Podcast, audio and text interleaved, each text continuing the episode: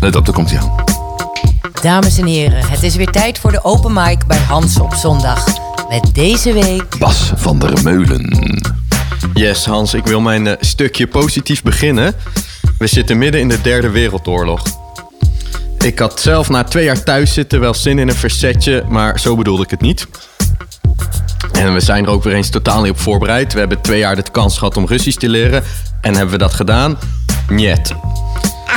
Gelukkig hebben we binnenkort gemeenteraadsverkiezingen. Kunnen we even lokaal bezig zijn, kleinschalig.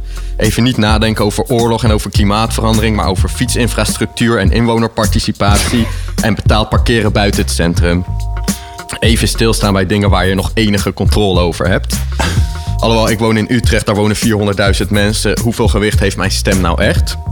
Wat dat betreft, in Houten zit je al iets beter, 50.000 inwoners. Maar hoe prettig moet het zijn om op Schiermonnikoog te wonen? Dat is een zelfstandige gemeente met 900 mensen. Als de helft niet komt opdagen, bepaal jij gewoon met jouw gezin één zetel. Zullen we ome Bob eens eh, in de raad stemmen? Maar ome Bob houdt helemaal niet van politiek. Ja, boeien, wij zijn het volk. Kijk, dan heb je pas macht. Daarom hoop ik ook altijd dat zo min mogelijk mensen stemmen. Dan telt mijn stem relatief zwaarder. En eh, ik heb me speciaal voor vandaag even verdiept in de politiek van Houten. En eh, ik ben tot de conclusie gekomen dat jij, Hans, een lokale partij moet oprichten. Ja. Er is namelijk nog ruimte voor een partij met een goede naam. Kijk, je hebt een partij die heet Natuurlijk Houten, wat volgens mij een hele prima partij is, maar die naam is drie keer kut. en, eh, en je hebt een partij die heet Houten Anders, daar kom ik zo nog op. Maar eh, eerst dus Natuurlijk Houten.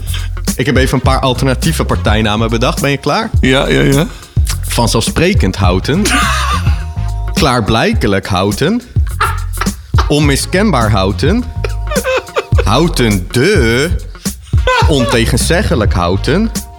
Overduidelijk Houten. Houten of toch niet, ja toch wel. Dat is ook één naam. Brandhouten. Geschuurd houten. Gelakt houten. Houtstapel. Aanmaakblokjes. Theezakje. Potplant. Oploskoffie. Boekenweekgeschenk. Dubbellaags toiletpapier. Logisch houten. Evident houten. Helemaal houten. 100% houten. Heerlijk houten. Eerlijk houten. Nou, zo kan ik nog wel even doorgaan. Ja. En dat ga ik ook doen. Nee. En, eh, en dan nog even over eh, Houten Anders. Dat is dus een lokale partij hier. Maar voor mij klinkt Houten Anders toch echt als Bunnik of Nieuwegein. Hoe ruimdenkend moet je zijn om te stemmen op een partij die heet plaatsnaam streepje anders? Dat, je, je voelt hem al aankomen misschien, maar ik wil dat jij een partij opricht die heet Hans Anders. Dankjewel. eh. Oh nee, dat... Ah, dan is het nog één stap naar Hans Schommer. Ja. En vanaf daar is het nog één stap naar de wereldheerschappij. Ja. En nu ga ik hem even rondmaken weer naar de Oekraïne-oorlog. Ja. Want die Zelensky, die president daar...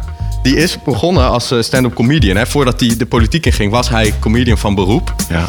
En eh, ik vraag me dus af echt of hij een goede komiek was. Ik denk dat hij niet heel grappig was. En toen dacht, dan maar president. Als Mark Rutte het kan. En zo is het. Een president is eigenlijk een comedian, maar dan met een team van tekstschrijvers. En het hoeft niet grappig te zijn. En je krijgt meer betaald. En het heeft meer aanzien. Hans, waar wachten we nog op? Hey topper, mijn complimentjes gaan naar jou vandaag.